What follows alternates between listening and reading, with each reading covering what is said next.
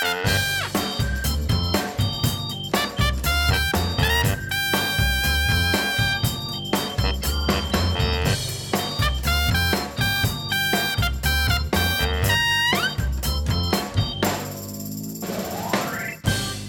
einde van het jaar is in zicht.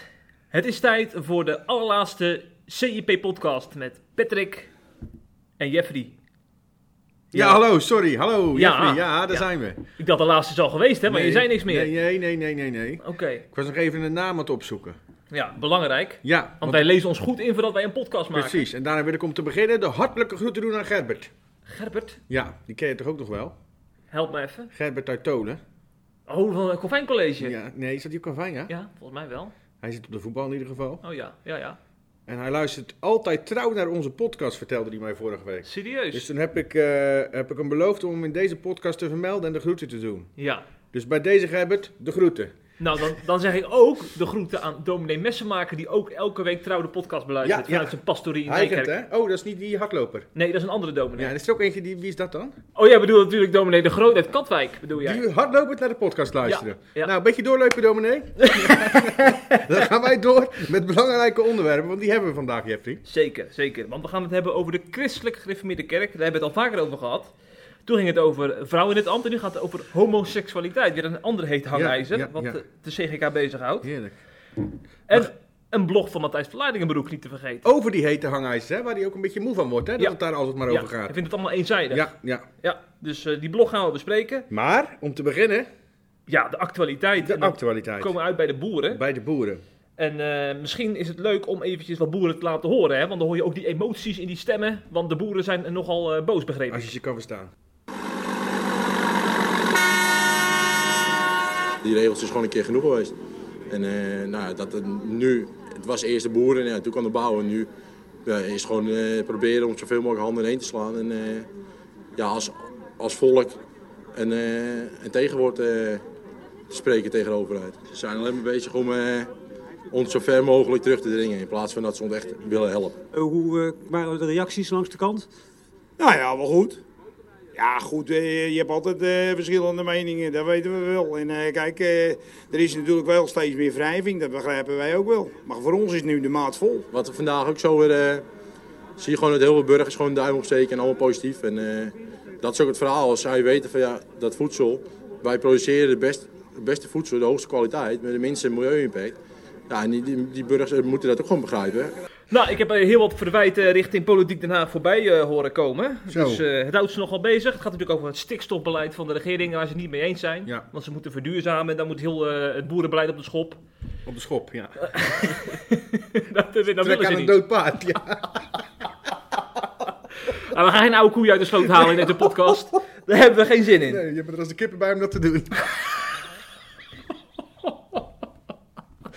Serieus nu. Ja, Laten we anders blijven we alleen maar lachen. nee, dat is ook zo. Want ehm, inderdaad, die boeren die zijn vandaag, op het moment dat wij deze podcast het opnemen, zijn massaal weer aan het protesteren.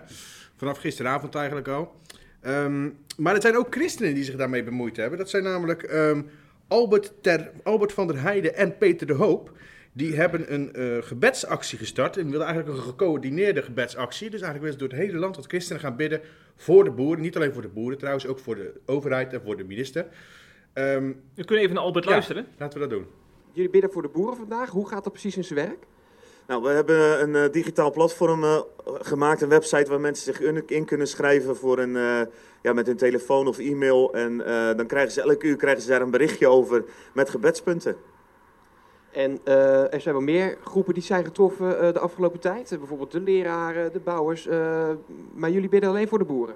Ja, de, de mede-initiatiefnemer Peter eh, de Hoop, mijn vriend, is, eh, is boer. Dus eh, ja, hij kwam ook een aantal weken geleden naar mij toe met de vraag van... Hij was zelf aan het bidden en vasten toen. En hij merkte dat het zoveel kracht gaf. En hij zei van, joh, dit moet toch heel anders aangepakt worden... in plaats van op die trekkers door het land heen racen. En nou, dat klikte natuurlijk direct in mijn hart, want ik ben echt een, een gebedsman. En ehm, toen zijn we daarvoor gaan staan. En natuurlijk zijn er ook andere sectoren. We hebben ook heel veel reacties gehad uit de gezondheidszorg, uit eh, het onderwijs. En eh, dat is zeker iets wat in ons hart ook kriebelt om daar wat mee te doen. Maar voor nu waren het de boeren. En het was een boer die dit initiatief eigenlijk eh, nam. Dit was trouwens een fragment van het Reformatorisch Dagblad. Ik zeg het er maar even bij. Want Onze vrienden, hè? Ja, Ja, onze zeker. broeders. Daar gaan we warm hart toe. Ja, absoluut. Maar eh, ja, die Albert eh, die heeft dus die gebetsactie met Peter opgezet. eh, Ja, samen met. Peter de Hoop, ja. Ja. ja. ik, vind het een mooie actie trouwens, maar ook wel weer een tikkeltje gewaagd, wat mij betreft. Ehm, omdat, ehm, kijk, het is een beetje een, een, gevaarlijk veld waar je je in begeeft als christen. Want aan de ene kant ehm, zien we natuurlijk dat Jezus zich eigenlijk heel weinig bemoeide met politiek. Hè. Daar moest hij niet zoveel van hebben. Eh, aan de andere kant kwam Jezus natuurlijk wel weer heel erg op voor de kwetsbaren en de, de onderdrukte in de samenleving. Ik weet, vind jij dat de boeren daaronder vallen? De onderdrukte in de samenleving, nee, dat is, dat andere groepen. Zo voelen ze zichzelf natuurlijk wel, hè? Ja, ja, ja. Op dit moment. ja. Nee, dat is zo. Dus, dus het is een beetje moeilijk om, om te... Hoe, wat moet je daar nou aan doen aan christenen? hè? En je steunt natuurlijk wel eh, een soort van rebellen, hè? Als je het in de tijd van, als je het vertaalt naar de tijd van Jezus, hè? Want die boeren die komen gewoon in opstand tegen de regering, wat eigenlijk eh, ja, niet helemaal bijbels is. Eh, de vorige keer toen ze acties organiseerden, hebben ze al een, een provinciehuis overvallen. Hè? Binnen, Groningen. Binnengevallen, in Groningen was dat. Ehm, met geweld. Eh, er is een, toen, een, toen was er ook iemand op een trekker die inreed op mensen. Hè? De levensgevaarlijke situatie ontstond toen. Ook nu weer hebben ze zelfs van tevoren al gezegd... er komen hardere acties aan. We gaan, we, gaan, we gaan meer de grens opzoeken, zeg maar. Dus ja, de vraag is eh, of je je daarmee moet willen vereenzelvigen als christen. Ehm, daar komt nog bij trouwens, van de week heb jij dat ook meegekregen... dat, dat een van die boeren of een van, van zo'n organisatie de vergelijking maakte met de holocaust. Ja, ja, ja, ja. Heel raar. Ja. Maar dat is van die, van die boeren, van die, van die eh, extreme club. Hoe heette die ook alweer? Van Ja, dat eh, weet ik niet. Defense for Farmers of zoiets? Ja, zoiets ja. Maar Ja. die zitten hier natuurlijk wel helemaal in, hè, in deze acties. Dus ehm, aan de andere kant is het natuurlijk ook wel weer zo, moet ik er gelijk bij zeggen. eh, je, kan de, je kan de boeren natuurlijk prima steunen, Mhm. voor ze bidden, met ze meeleven en tegelijkertijd harde en onwettige en onnodige acties ehm, afkeuren. hè. Ja. Dat is in principe niks mis mee. Ja, ja. En bij elke protestbeweging heb je ook extreme eh, varianten, zeg maar. Die, die, dat is niet de meerderheid, laten we eerlijk Precies. zijn. Het is altijd goed om voor mensen te bidden trouwens, voor wie dan ook hè. Ja. Al een beetje voor moordenaars. Niet dat ik nu boeren wil vergelijken met moordenaars Nee, voor de duidelijkheid. Geen misverstanden. Ehm, als je wil meedoen, als je wil kijken wat de actie van eh, Albert en Peter precies inhoudt, dan kun je naar www.bidvooronzeboeren.nl. Kijk, ja, nou die, eh, die lopen eh, vanmiddag vast, want dan wordt de podcast natuurlijk volop beluisterd. Ja, En dan, die site is, ligt, dan, ligt er dan uit. Dus Ja. sorry boeren. ja. Sorry boeren. Hashtag. Ja. Ehm, er zijn misschien ook wel wat boeren die in de christelijk gereformeerde kerk zitten. Misschien zelfs wel in Zwolle. Ja, Die kerk stond eh, centraal. Niet alleen bij CIP en het RD, wat je van zou verwachten. Maar ook bij de NOS, in Trouw en in de Volkskrant. Kortom, er is wat aan de hand. en daar weet jij alles vanaf, Jeffrey. Want jij hebt daar jezelf heel veel mee bezig gehouden afgelopen week. Ja. ik. Ja, ja ik, heb, eh, ik, ik, ben, ik schrijf al een aantal jaar over gevoelige kwesties in de CGK, wat ik gewoon interessant vind. Want ik denk van, ja... Houdt gewoon van rellen. Nee, nee, nee, nee, dat is framing. De pure framing. Altijd hè, framing. Als ik iets zeg, is het gelijk framing. Dus we hebben het natuurlijk over een kerk van 72.000 mensen, Ja. 100, 180 gemeenten in heel Nederland. En dan is het gewoon boeiend als er ja, een kwestie is waar verdeeldheid over is. Hoe gaan ze daar nou mee om? Er zitten ook heel veel interessante Absoluut. factoren aan waar, waar we ook veel van kunnen leren. Er zijn bijvoorbeeld mensen die dan de hakken in het zand zetten. Er zijn ook mensen die juist eh, meer willen luisteren, hè, die echt die pastorale kant op willen. Ja. En ehm, dan praten ze onder andere over homoseksualiteit. Waarom is dat eh, een heet hangijzer in de CGK? Daar gaat een verhaaltje aan vooraf, voordat we naar Zwolle gaan. Eh, in de CGK is in 2013 besloten, bij een generale synode, dus landelijk en unaniem, eh, dat er voor homoseksuelen geen plaats is aan het avondmaal. Daar moet ik er wel bij zeggen, dan gaat het wel om gemeenteleden die dan een relatie hebben met, met iemand anders. Met iemand van hetzelfde geslacht. En, Dus eh, praktiserende, ja, of, of die gewoon seks hebben, neem ik aan. Dus niet alleen een Ja, relatie, gewoon precies, praktiserende precies. homoseksuelen. Praktiserende homoseksuelen. Juist, juist. En ze mogen ook geen ambt bekleden. Ook, er is geen plek voor openbare geloofsbeleidnis, ook in de CGK voor hen. En eh, er, zijn, er is een aantal kerken dat het daar niet mee eens is. Eh, waaronder dus de CGK in Zwolle. Die hebben met ongeveer ik dacht, 15 kerken ook bezwaar aangetekend tegen dat besluit. We hebben trouwens, goed om te weten, de CGK in Zwolle is een kerk van, met 4400 leden. Dat is groter dan Mozaïek 018, die we altijd hè, prijzen om die, die, die groei, die, eh, Wie die prijst, mensen die... die hè? wie prijst die? Nou, er zijn al met mensen die vinden dat natuurlijk het voor, de voorbeeldkerk van Nederland. Van daar gebeurt het, daar is God aan het werk. Maar ik, mensen vergeten dat er in Zwolle dus ook een kerk is die nog groter is dan de, dan de Ja. mozaïek. Ja. Vind ik altijd even grappig om dat Ja. te vermelden. Ja, dat vind ik ook wel grappig. ja. Ja, maar ehm, die hebben dus met eh, die andere kerken bezwaar ingediend. En dat is in 2017 is dat behandeld, nog maar een paar jaar geleden. zijn die bezwaarschriften dus eh, aan bod gekomen weer bij een nieuwe synode. En toen was dominee Buis uit Nunspeet, was toen nog synodevoorzitter. En bij het RD reageerde hij op eh, eh, die bezwaarschrift en hoe zij daar dus mee omgaan binnen de CGK. Snode heeft besloten om deze revisieverzoeken af te wijzen. Na grondig onderzoek, vooral op grond van exegetische argumenten en kerkrechtelijke argumenten. Kerkraden hadden op die gronden ook bezwaren ingebracht. Nou, die zijn in eh, een rapport van enkele honderden pagina's eh, bekeken en, eh, en onderzocht. Maar de synode nam dit besluit. En dat wil niet zeggen dat daarmee het gesprek afgelopen is binnen de kerken. Er is een taakgroep ingesteld die de opdracht heeft om in gesprek te gaan met de kerkenraden op basis van deze uitspraak. Vanuit de intentie om elkaar vast te houden. Er moet bepaald niet de indruk eh, ontstaan alsof de synode erop uit zou zijn om bepaalde kerkenraden, gemeenten de deur te wijzen. Integendeel, er is echt een, een, een worsteling geweest, dat woord wil ik wel gebruiken, om eh, recht te doen aan dat wat ingebracht is door de diverse kerkenraden. Op bepaalde punten in de argumentatie is ook bijstelling gepleegd, maar het besluit zelf is blijven staan. En op grond daarvan eh, wil de taakgroep in gesprek gaan met de kerkenraden.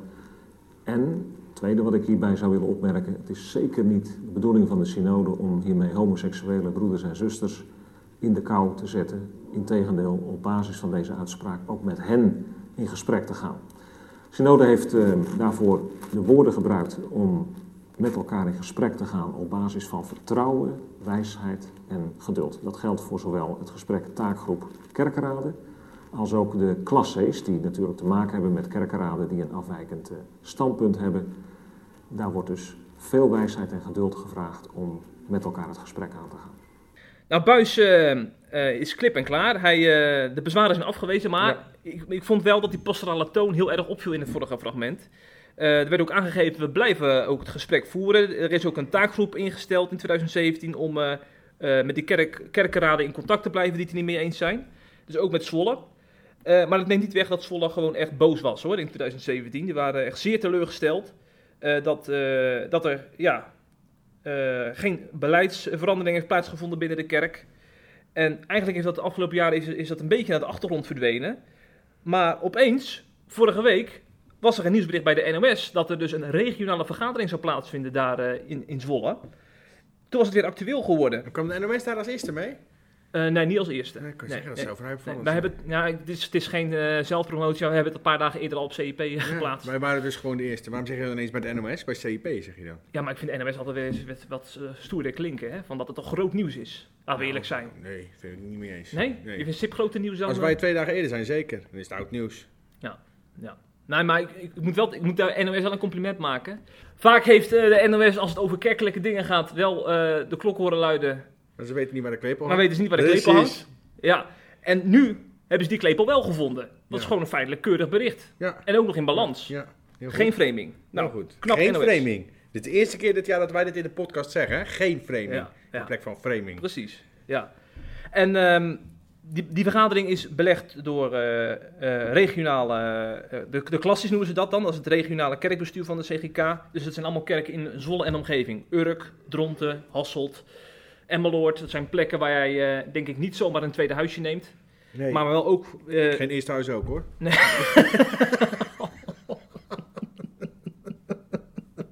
ja. Eh, maar deze kerkenraden kwamen dus bijeen om die homo-kwestie te bespreken. En wat was dan de uitkomst? Die was er dus niet, want ze gaan verder. In februari dan gaan ze een vervolg geven. En dan gaan, komen er verschillende voorstellen op tafel. En die, ja, dat kan dus zijn dat het Zwolle wordt toegesproken. En misschien wel zelfs eh, eh, eigenlijk uit de, uit de CGK wordt gebonjourd. Maar dat wordt dan natuurlijk, dan kunnen ze nog in hoger beroep gaan hoor. Dus dat wordt niet eh, per direct. Maar het zou natuurlijk ook kunnen zijn dat, ze, dat gesprek de andere kant op gaat. En dat ze misschien wel weer nieuwe bezwaarschriften bij de CGK gaan indienen. Omdat ze vinden dat Zwolle wel een punt heeft. Dus het wordt heel spannend. Welke kant gaat het op de komende maanden? En ehm, in het Reformatorisch Dagblad. ehm, nee, dat was bij RTV Oost trouwens. Heeft dominee Henk Meinders, dus de predikant van de CGK in Zwolle, laten weten dat het echt een emotionele vergadering was. Waarbij het er soms heftig en zelfs grimmig aan toe ging. Dus ik ben eigenlijk wel benieuwd eh, wa- wat er dan eigenlijk gebeurd is. Als je, het wordt grimmig in de mond bij een kerkelijke vergadering. Ik kan me niet echt een voorstelling bij maken, eerlijk gezegd. Maar dat geeft dus wel aan hoe gevoelig dit ligt. Hè? Ja. We hebben het natuurlijk over Ja. mensen die met een geaardheid wos- worstelen en vinden dat, eh, dat ze door de CGK in de kou worden gezet. Ja. Want zij vinden gewoon dat zij eh, ook recht hebben op eh, deelname aan avondmaal, aan openbare geloofsbeleidenis. Ja, dat ja. gebeurt trouwens wel in Zwolle, hè? Want het is niet zo dat wanneer je landelijk beleid invoert als CGK zijnde, dat het ook automatisch moet worden uitgevoerd plaatselijk. Plaatselijk hebben mensen dus de vrijheid om ervan af te wijken. Dat is echt, Ja. echt een, een goede CGK-traditie om mensen daarin vrij te laten. Alleen soms, ja...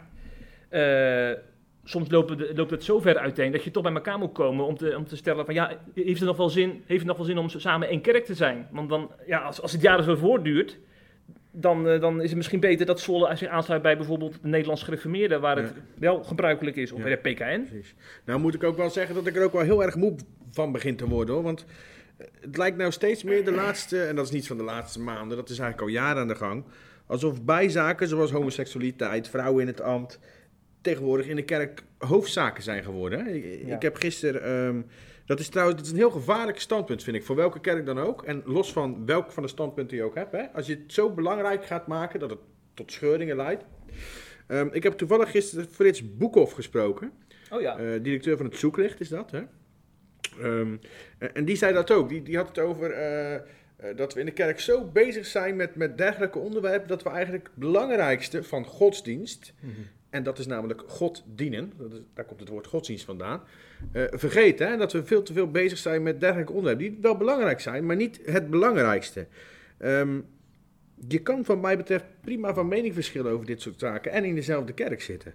Eh, en daarnaast word ik ook, je hebt het weer over klasses, klasses en vergaderingen. En ik word daar, daar word ik ook heel moe van. Ik ben er een beetje klaar mee. Ik, ik moet tijd steeds vaker denken als het over zulke dingen gaat. Aan, aan dat opwekkingslied. Eh, Toon mijn liefde heet dat, geloof ik. Ja. Daar, gaat, daar, daar, wordt gezegd hè, wat Jezus nou eigenlijk wil dat we doen als kerk. Hè? En waarom Jezus neerknielt bij ons en hoe de kerk behoort te zijn. Dan gaat het over de liefde van Jezus tonen. En, en dan is dat wat de wereld ziet van Jezus als wij op die manier in het leven staan. Hè? Nou, wat denk jij? Zou de wereld dat nu zien van Jezus als ze naar de kerk kijken in Nederland? Ik denk dat het voor hen heel vreemd overkomt als ze over de CGK Zwolle lezen en al die besluiten die zijn genomen. Dat, dat de denken zij van, wat is dit allemaal? Ja, maar überhaupt groot, groter. Als Ja. je het grotere plaatje kijkt, dat wij als kerk over zulke dingen aan het steggelen zijn. Ja. Of zo hard kunnen zijn richting homo's of richting eh, transgenders of richting wie dan ook. Die anders zijn en die volgens ons niet volgens de Bijbel leven, zeg maar. Mhm. Eh, zou dat de liefde van Jezus tonen zijn? Ik vraag het me oprecht af. Maar als ik nou me probeer in te leven in zeg maar, de CGK-broeders die die besluiten hebben genomen. Ze zijn trouwens niet over één nacht ijs gegaan. Hè? Toen ze die, in die synode dat besluit namen om, eh, over homoseksualiteit, hebben ze zes jaar op, op gestudeerd. Allemaal bijbelteksten hebben ze uiteenlopend hebben ze helemaal eh, uitgeplozen. Ehm, en ik moet er ook bij zeggen... Maar waar is de liefde? In Nee, maar weet je wat- jaar? weet Waar is in die punt- zes jaar de liefde geweest? nee, maar weet je wat het Of punt zijn is? ze alleen maar op een harde en kille manier bijbelteksten gaan analyseren? Weet je wat het punt is? Als je op een gegeven moment tot de conclusie komt, na aanleiding van het studeren, dat er een aantal zonden is, dat, eh, dat jou buiten Gods koninkrijk plaatst, dus waardoor je, eh, ja, dat eigenlijk, eh, waar, waar je echt bekering voor nodig is, waar echt je, je, leven voor, voor moet, ze vinden dus dat homo's in onthouding moeten leven, hè? Als je dat nou vindt, dan kan ik me ook voorstellen dat je, dat je dat handen en voeten moet geven in je kerk. Dan kun je niet zeggen van, eh, ja, ik, tot, ik ben na zes jaar studeren dit, tot, deze, tot deze conclusie gekomen, maar ik geef er geen gevolg aan, Ja. ge- geen gevolg aan in mijn kerk. Dat kan ook niet, hè? Ja, en, en, en mensen dan die, eh, want daar komen we zo bij Matthijs op, want daar gaat dit namelijk over ook. De column van Matthijs ging er natuurlijk over. Hè? Mensen dan die, die eh, vastzitten in materialisme, wat zal ik je zeggen 80 of 90 procent van de kerk is. Ja, maar dan zullen ze Waarom zeggen... moeten die zich niet bekeren? Dan zullen ze Waarom nou- mogen die gewoon deelnemen aan het heilige Ja. avondmaal? En dan kunnen ze zullen ze zeggen, die leven niet in die zonde. Ja, die leven wel in die zonde. Maar die houden nog steeds die tweede auto voor de deur. En elke, ma elk jaar die vakantie naar Frankrijk. Of nog verder. Ik denk als je dit... Of hoogmoed. Of, we kunnen, Ja. natuurlijk, ik kan uren doorgaan met al die zondes. Hè? Al die zondes worden geaccepteerd. Prima allemaal. Of althans, er wordt tegen gewaarschuwd. Maar er wordt niet, geen beleid opgevoerd. Zoals ze nu bij homoseksualiteit bijvoorbeeld gaan doen. En, en bij homoseksualiteit gaan ze dat ineens wel doen. Op een hele lief, terwijl je dan gewoon mensen gewoon ja, wegdoet van God, vind ik. Hm. Los van, ik, ik zeg niet dat ik... ehm, eh, los van in, ja, inhoudelijke standpunt gaat het mij om, hè? Ja, ja, ja. ik zeg niet eens dat ik homoseksualiteit goedkeur, of het praktiseren daarvan. Ja. Eh, het gaat mij erom om de manier waarop je met mensen omgaat. Ik ben er echt van overtuigd ehm, dat je prima... ehm, dat ik me eh, van mijn homoseksuele broeder kan houden, die Mhm. praktiseert. Dat ik hem een knuffel kan geven, dat ik met hem kan leven, dat ik naast hem in de kerk kan zitten, terwijl ik het niet met hem eens ben. Ja. En niet met de manier waarop hij vindt dat hij, dat, hè, zoals het is, dat kan ik anders vinden. Toch kan je als christen dan naast elkaar leven. Mhm. Net zoals je op andere gebieden andere meningen kan hebben. Mhm, Ja. Ik heb je nou even bijna aangekeken net eh, tijdens jouw eh, eh, bijdrage, omdat ik even ben ik een, even een bericht aan het opzoeken was van dok, dokter Peter Vries. Want hij vindt namelijk, hij is ook heel stellig hierover, maar dan aan de andere kant, dus dat er voor ik wel homo's geen voor. plek is in, in Gods koninkrijk. Zo. Maar er komt, elke keer komt dat rijtje dat, dat terug. zegt hij letterlijk. Ja, Ja, ja. dan vind ik dat er voor, dit, dit, voor Vries geen plek is in Gods Koninkrijk. Nee, maar luister nou even. Elke keer komt dat rijtje van 1 Korinthe 6 terug. Daar- Daarin worden dus verschillende zonden genoemd. En vervolgens is de conclusie van het rijtje van... dan kun je in Gods Koninkrijk niet binnenkomen als je daarvan niet bekeert. Ja. En, als ze, en zij maken dus ook onderscheid tussen materialisme en, en, eh, seksualiteit. Omdat materialisme dat, in dat rijtje niet genoemd wordt. Behoort blijkbaar niet tot de zonden die, eh, die eh, een breekpunt zijn in. Gods Koninkrijk. Ja. Bij Jezus was ook overspel geen breekpunt. Bij die vrouw die overspel gepleegd had. Ja, hij zei eh, dat, er, dat er vergeving mogelijk is, bedoel je? Ja, geheen en zondag niet meer. Ja. Ja, ja. Ja, ik vind het altijd een beetje lastig, dit Ik wil, niet graag, ik wil gewoon ten eerste wil ik niet op de stoel van God gaan zitten. Aan de andere kant, maar dat komt zo nog te sprake, betekent dat natuurlijk ook weer niet dat je niet mag vermanen. Ehm, daar gaat het maar ook helemaal niet om. Je mag wel zeggen wat je ervan vindt, ook als je homoseksualiteit, het praktiseren van homoseksualiteit ehm, fout vindt of zondig vindt, dan mag je dat best zeggen. Daar mag je best over praten. Het gaat mij erom om iemand ehm, gewoon buiten een kerkverband te plaatsen, eigenlijk weg te sturen. Ja. Daar gaat het mij om. Want dat gebeurt gewoon hè, door het beleid wat ze willen voeren. Wegsturen. Ja. En ik denk dat dat nooit, nooit een optie is Hm, hm. van God. Mensen wegsturen, nooit. Maar ik moet wel zeggen, er zijn mensen, zeg maar, kerken die deze lijn eh, hanteren. Eh, ik, ik ken ook verhalen van homo's die, eh, die het daarmee eens zijn, omdat ze ook gewoon die Bijbelse lijn willen aanhouden en vervolgens geen relatie aangaan. Zoals? Hm? Zoals? Nou, in de kerk van Dominic Klaas in Arnhem-Muiden zit ook een, een jongen. Oh, ik had nou eigenlijk gehoopt dat je Herman van Wijngaarden zou zeggen. Oké. Want die doet dat inderdaad, die kiest daarvoor. Maar die, zal altijd, die zal het met mij eens zijn wat ik net zei. Ehm, dat de harde manier waarop ermee omgegaan wordt. En je moet, je, Ja, je moet wel in ja. liefde en in die mensen er blijven Ja. betrekken. Ook als ze kiezen voor praktiseren. En niet wegsturen. Wegsturen is gewoon echt nooit een optie. Nooit. Ik moet wel even toevoegen, voor de helderheid, dat de CGK in 2017 heeft eh, eh, toegegeven dat ze in het verleden onpastoraal waren richting homoseksuelen en eh, dat ze dat ook hebben erkend. Dus die wel- pastorale houding die is wel verbeterd. dat is al een hele fijne stap. Ja, ja. Dat brengt ons natuurlijk automatisch bij eh, Matthijs Vlaardingenbroek. Want ja, ik moest er veel vaak aan denken toen jij je betoog eh, ja, hield. ja, net. ja, want ik liep eigenlijk een beetje op de feiten vooruit. Hè? Ja. Ehm, want Matthijs uh, Vlaardingenbroek heeft een, een, een column geschreven voor CIP, zoals wel vaker natuurlijk. Ehm, dat was een van de best gelezen artikelen van de afgelopen weken. En dat Ja. ging over de allerergste zonde in kerkelijk Nederland. Hè? Ehm, eh, en dat waren volgens Matthijs, waren dat, hij, hij vroeg zich dat in die column hardop af. Hè, wat zou nou de allerergste zonde zijn? Eh, en wat zouden de reageerders bij CIP, wat zou wij ook gewoon, wat zouden christenen nu de, de ergste zonde vinden? En hij kwam daarbij uit dat de meeste mensen dan toch op seksuele zonde uitkomen. Mhm. Ehm, en volgens hem zijn die zonden dan ook overbelicht. Dat zijn allemaal, allemaal zonden die, en hij noemde eigenlijk drie, drie zonden specifiek. Eh, homoseksualiteit, ehm, transgender, transgenderisme zeg ik het zo Ja, goed. ja, ja, dat is de term. Eh, en echtscheiding. En hij zei, die zonden die zijn, die worden overbelicht omdat het heel makkelijk is om erover te oordelen als je, eh, als, als je, het, zelf niet als je het zelf niet bent of hebt. Eh, kijk, als je hetero bent, is het heel makkelijk om, om heel hard en veroordelend over homoseksualiteit te doen, want je hebt er toch geen last van. Als je gewoon geboren bent als jongen en meisje, zowel in je lichaam als in je hoofd, ehm, is het heel makkelijk om, om, om je laatdunkend uit te laten over transgenders en, en zeggen het is zonde en dat is een enorme zonde tegenover God het is een gruwel in Gods oog, omdat je er zelf geen last van hebt. Als je gelukkig getrouwd bent, eh, is het heel makkelijk om te zeggen, echtscheiding is de ergste zonde die je kan doen. De Bijbel staat, weet je, omdat je er zelf geen last van hebt. Het is pas moeilijk om zonde te benoemen, dat is een beetje het betoog van Matthijs, hè, waar je zelf last van hebt. Want waarom is die homo, en dat is een beetje wat ik natuurlijk net ook zei, waarom is homoseksualiteit nou zoveel erger dan hoogmoed? Waarom is eh, echtscheiding zoveel erger dan eh, eh, materialisme en, en verkrocht zijn aan je geld en aan je goed? Dat was een beetje het punt van Matthijs. En hij, hij, ehm, hij vroeg zich inderdaad hardop af of wij niet te veel zondebokken, noemt hij dat dan. Hè? Dat zondebokken, dat zijn dan die drie dingen. Daar kunnen we heel makkelijk zondebokken in vinden. Want ja, we hebben zelf toch geen last van. Dus dan kan je makkelijk van je eigen zonde af zijn. Hè? Jij, op jezelf heb je geen oordeel, maar jij hebt er allemaal geen last van.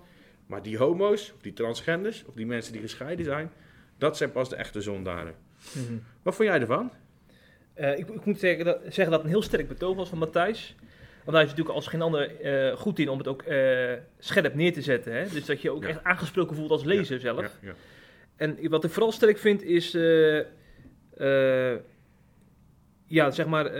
ja, de, de, de, de rode draad door de Bijbel is uiteindelijk toch liefde. Laten we eerlijk zijn.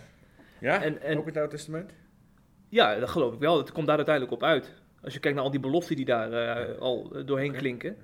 En eh, dat laat Matthijs goed horen. Alleen ik denk, de- het proble- probleem is dat je niet degene gaat overtuigen die je wil bereiken. Zoals die do- dokter De Vries, die gaat toch, blijft toch hameren op dat rijtje wat ik net zei. Over die, die, die hoofdzonden die in de Korinthebrief staan van Paulus. Er wordt gewoon ook in de Bijbel worden er gewoon bepaalde dingen overbelicht. Daar kun je, daar kun je niet omheen. Ja, maar dat moet je in de context lezen. Hè? Kijk, als Paulus een brief schrijft aan een gemeente waar veel seksuele zonden eh, zijn, dan is het logisch dat daarin heel veel seksuele zonden worden benoemd. Snap je? Ja. Dus je moet het dan in de context lezen. De Bijbel is niet een boek wat helemaal los staat van tijd en Ja, maar context. over sommige zonden wordt dus gesproken. eh, er is voor u geen plek in Gods koninkrijk. Dat staat er dan ook gewoon achter. En dat was echtscheiding? Ik, ik- dat rijtje van 1 Corinthië 6 weet ik niet, maar er staat dus bij mannen die met mannen liggen, onder andere staat daarbij. Ja. Eh overspeler, eh, overspelige mensen. Ja, maar dan moet je dus wel echt in de context lezen van eh, die gemeente van Korinthe en die tijd en, wat, hoe die leefden, wat die deden.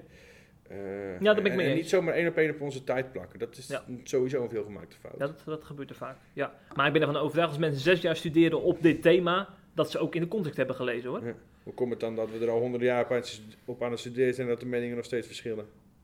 Ja, ja dat, is altijd, dat vind ik ook de grote vraag die ik ooit nog een keer wil stellen als ik eh, in het nieuwe paradijs ben. In het nieuwe paradijs. Nou, ik heb wel betere dingen om te vragen hoor. Zoals? Ja, daar ga ik me niet over uitlaten. Dat is te persoonlijk. Ja, ja, ja. Maar eh, wat vind jij eigenlijk zelf van die column van eh, ja, ik heb er wel een aantal dingen bij. Kijk, ik denk dat Matthijs een aantal, aantal opmerkingen bij. Eh, ik denk dat Matthijs wel eh, aan de ene kant wel een punt heeft. Eh, maar dat, dat hij ook wel een, een, andere en gevaarlijke kant eraan zit. En daar lijkt Matthijs een beetje naar te neigen. En dat is namelijk, en daar had ik het net ook al over, hè, dat je anderen niet meer op fouten mag wijzen. Hè? En dat is denk ik een, een klassieke vorm, een klassieke fout zou ik bijna zeggen, binnen het christendom, om, om zonde goed te praten. Hè? Ja. Van, eh, als jij iets van mij zegt, jij, maar, jij vermaant mij, jij wijst me ergens op, ja, maar jij bent zelf zondig, weet je wel? Mhm. Alsof je niks van homoseksualiteit, echtscheiding of transgenderisme mag zeggen, omdat je zelf eh, materialistische zon, eh, hè, in je materialisme hangt, of omdat je zelf hoogmoedig bent, of omdat je zelf wel eens jokt, weet je wel? Dat, Ja. Het een sluit het ander helemaal niet uit. Ehm, want het is natuurlijk gewoon heel bijbels om anderen op zonde te wijzen en te vermanen. Ehm, maar er is natuurlijk wel overdreven veel aandacht voor eh, seksuele zonde, denk ik. Ja. Eh, maar dat zegt zo- zo'n Peter Vries zegt dan inderdaad dat dat bijbels is. Hè? Mhm. Dat, vind ik dan wel, dat vind ik dan wel weer opvallend. Hoe je in je seksualiteit staat, laat volgens de, Vries dus zien hoe je Jezus navolgt. Dat is voor hem één Ja. op één. Ja. Ja. Nou moet ik ook zeggen, eh, eh, ehm, Jezus was het wel heel duidelijk over zonde, hè? die wees hij af. Ehm, hij maakte zelfs, in, in Matthäus 5 is dat geloof ik, maakte hij de zonde nog, maakte hij het eigenlijk zo scherp, de geboden, dat we ze allemaal overtreden. Hè? Er is bijvoorbeeld nog een gebod, je mag geen overspel plegen. Dan denk je, nou, denk jij, nou, ik ben, eh, hoe lang ben je met Nadine getrouwd? Ik ben alweer eh, 3,5 jaar Drie getrouwd. jaar getrouwd. Nou, voor zover ik weet heb jij nog nooit met een eh, andere vrouw in bed gelegen. Nee. Ehm, dus dan kan je denken, nou, ik heb mooi geen overspel gepleegd. Maar ik weet zeker dat je het wel gedaan hebt. Want Jezus scherpt dat gebod aan. Die zegt namelijk, als je naar een andere vrouw kijkt om haar te begeren, heb je Ja. overspel gepleegd. Nou, laten we eerlijk zijn, Jeffrey, dat hebben we allemaal gedaan. Ja, lijkt me- op die manier, zoals Jezus die geboden aanscherpt, heeft iedereen die zonde begaan. En dan komt het verhaal van Matthijs ook in een ander daglicht te staan. Hè? Dan is het niet meer van, eh, hij pleegt overspel of, of echtscheiding. Of, Ja. Dan heb je het zelf ook allemaal gedaan. Dus dan is dat, dat, dat oordelen is dan sowieso al minder, denk ik. Ja. Overigens, ehm, is seksuele zonde is, is op bepaalde plaatsen in de Bijbel natuurlijk wel waar, waar het verval van een stad, Gomorra bijvoorbeeld, of zelfs een land aan te wijten valt soms. Hè? Dus het zijn toch op een of andere manier wel hele belangrijke zonden. Sterker nog, buiten de Bijbel om, eh, Rome ging ook uiteindelijk ten onder aan decadentie en seksuele escapades. Ja. Dus op een of andere manier zie je toch wel in de wereld zien is dat seksuele eh, escapades, zondes, eh, toch vaak tot ondergang leiden. Mhm. Dus het zal dan toch ook wel weer een hele belangrijke zonde zijn. Hè? Ja. Maar dan gaat het inderdaad vaak om lust, hè? Eh, en dat is wat anders dan een, een relatie, een duurzame relatie natuurlijk. Ja, maar ik denk Ja. volgens mij de, de, de, de, de stukken waarin de Bijbel over homoseksualiteit gesproken wordt, gaan volgens mij bijna alleen maar over lust. Ja, precies. Dat is ook het punt van die, van die Ja. mensen die, eh, die die nuance willen plaatsen hierover. Sodom en Gomorra ging natuurlijk puur om lust. Dat waren gewoon eh, Ja. hete bliksems, laten we het even zo zeggen. Ja. En niet, niet, die hadden niet een duurzame relatie met een gezin. Dus, dus dan, eh, ehm, wat ik overigens ook nog vind, eh, dat wil ik ook nog wel even erbij zeggen, eh, dat Jezus al heel snel bij, bij dergelijke discussies gehaald wordt. Hè? En dan wordt er gezegd, ja, hij ging altijd naar de meest kwetsbaren toe. Hij ging naar de mensen toe die door de kerk van die tijd en de maatschappij werden verstoten. Ehm, dat klopt. Maar, wat die mensen dan vaak vergeten bij te zeggen, die mensen veranderden vervolgens wel. Hè? Ja. Jezus veroordeelde die vrouw niet, waar ik het net over had, die overspel pleegde. Maar hij zegt wel, ga heen en, En zondig niet meer. Ehm, kijk naar Levi, eh, die bij het tolhuis zat. Kijk naar Zacchaeus. Ehm, je- die werden door iedereen uitgekotst. Jezus zocht ze op. Maar ze veranderden wel, hè? Ja. Zacchaeus gaf, gaf, gaf al zijn geld weer terug wat hij van mensen had gepikt, hè? Zelfs een veelvoud ervan zelfs Ja. nog, hè? Dus dat, dat vergeten mensen er dan vaak bij te zeggen, hè? Ze veranderden wel, die mensen. Mhm. Iedereen mag bij Jezus komen, maar als je bij Jezus komt, verander je wel. En dat is dan denk ik een belangrijk punt om te noemen. Ehm, tot slot, we hadden het net over eh, dat ik vind dat je wel degelijk mag vermanen. Hè? Dat ik het idee heb dat Matthijs zegt van nou, je mag er bijna niks meer van zeggen van homoseksualiteit. Die kant lijkt Matthijs een beetje op te gaan. Of van transgenderisme of van echtscheiding. Nou, daar ben ik het dus niet mee eens. Ik vind dat je wel mag vermanen, maar altijd liefdevol. Ja. En dat wordt heel vaak vergeten. En dat was ook mijn belangrijkste kritiek bij die CGK, Mhm. eh, bij dat punt net. Dat het heel vaak gewoon niet liefdevol is. Mhm. Ik moest trouwens bij het lezen van die blog ook heel vaak denken aan de Nashville-verklaring, die eh, eh, begin dit jaar is verschenen. Over liefdevol gesproken. Ja, ja ik denk dat dat ook vaak, ik denk dat dat ook een beetje achter de Matthijse punt zit. Van, eh, als je hiermee omgaat en je, en je, en je gaat daar zo'n verklaring op, op bou- bouwen. ja, maak dan ook een verklaring inderdaad over materialisme. Van een studie naar heel de Bijbelbelt. Van doe, doe twee auto's weg. Punt 1 van de verklaring, bij wijze van spreken. Ik Denk van, eh, dan, dan, dan wordt het wel uitvergroot ook weer hè, met Ja. zo'n verklaring. Ja. En dan inderdaad, dan heb je ook geen pastorale toon. Helemaal Want je, je, je, je, je spreekt niemand fysiek. Je hebt, een, je hebt een, eh, een paar artikelen op internet die je dan eh, kil overkomt bij je. Ik denk dat dat ook het punt is van Matthijs. Want sinds dit jaar is hij namelijk heel druk mee. Ik denk dat dat ook door die verklaring komt. Dat hij hier zo druk mee is met dit soort Ja, hij thema's. heeft er eerder een column over geschreven, hè, over het zondebokmechanisme. Ja. Dat is een beetje hetzelfde, ja, hetzelfde, ook dit jaar. ja, hetzelfde verhaal was dat. Ja. Ja. ik snap zijn punt wel. Alleen, ik denk wel dat het gevaarlijk is dat je naar de andere kant gaat neigen. Dat je op het duur, wat ik net al zei, dat vind ik het belangrijkste, om- wel belangrijk om te zeggen. Ehm, dat het niet zo is dat je niks meer mag zeggen. Nee. Als ik vind dat eh, het praktiseren van homoseksualiteit eh, onbijbels is, dan mag ik dat gewoon zeggen. Dan is het zelfs mijn plicht om het te zeggen, vind ik. Ja. Eh, en dat geldt ook voor andere, andere, andere zonden. Maar niet dat de ene erger is dan de ander. Mhm. En dat wordt nu wel gedaan. En dat punt begrijp ik heel goed. ja, ja, en dat is natuurlijk ook zijn hoofdpunt. Ja, hoofdpiet.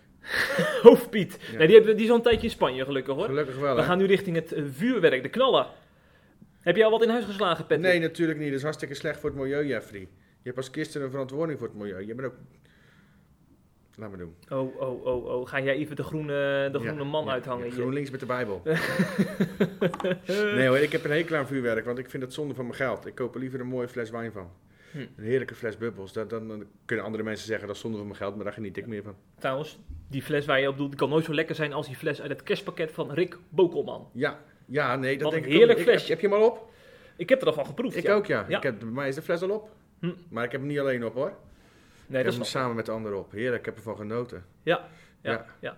Wilt u volgend jaar ook een kerstpakket mogelijk maken? Word dan CIP Plus lid. Ja, ik wou zeggen, hij mag nog wel wat groter, dus dan moeten er meer CIP Plus leden komen. Ja, ja, ook Ja. in 2020 hebben we ze nodig. Ja. En we gaan nu richting de 10.000, hè? Ja, Dus we gaan het, richting die 10.000. We hopen het nog te halen dit jaar. Dat zou mooi zijn. En anders halen we het in januari.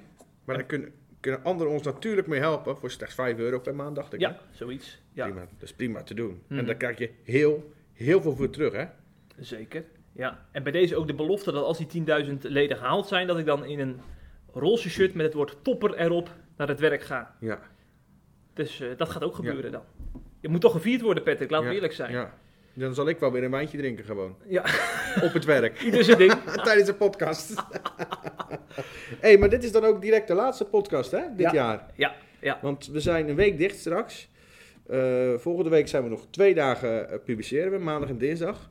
Maar dan doen we geen podcast. Nee. Want ik heb dan vrij.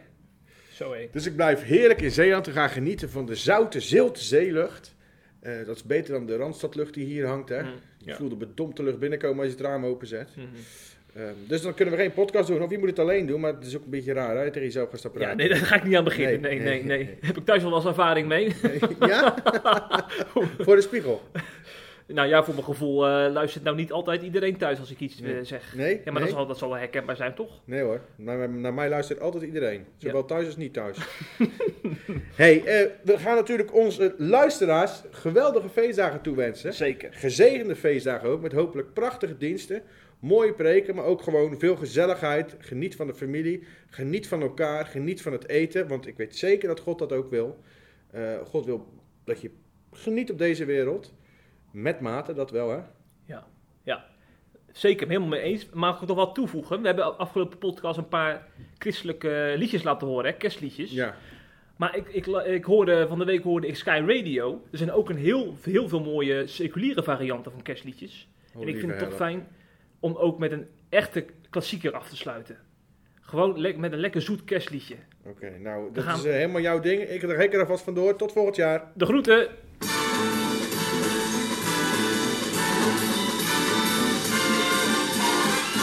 It's the most wonderful time of the year.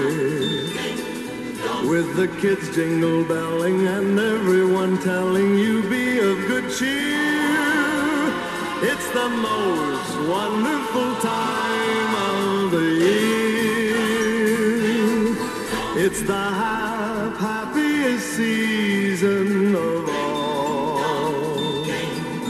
With those holiday greetings and gay happy meetings when friends come to call. It's the happiest season of all. There'll be parties for hosting, marshmallows for toasting, and caroling out in the snow. There'll be scary ghost stories and tales of the glories of Christmases long, long ago.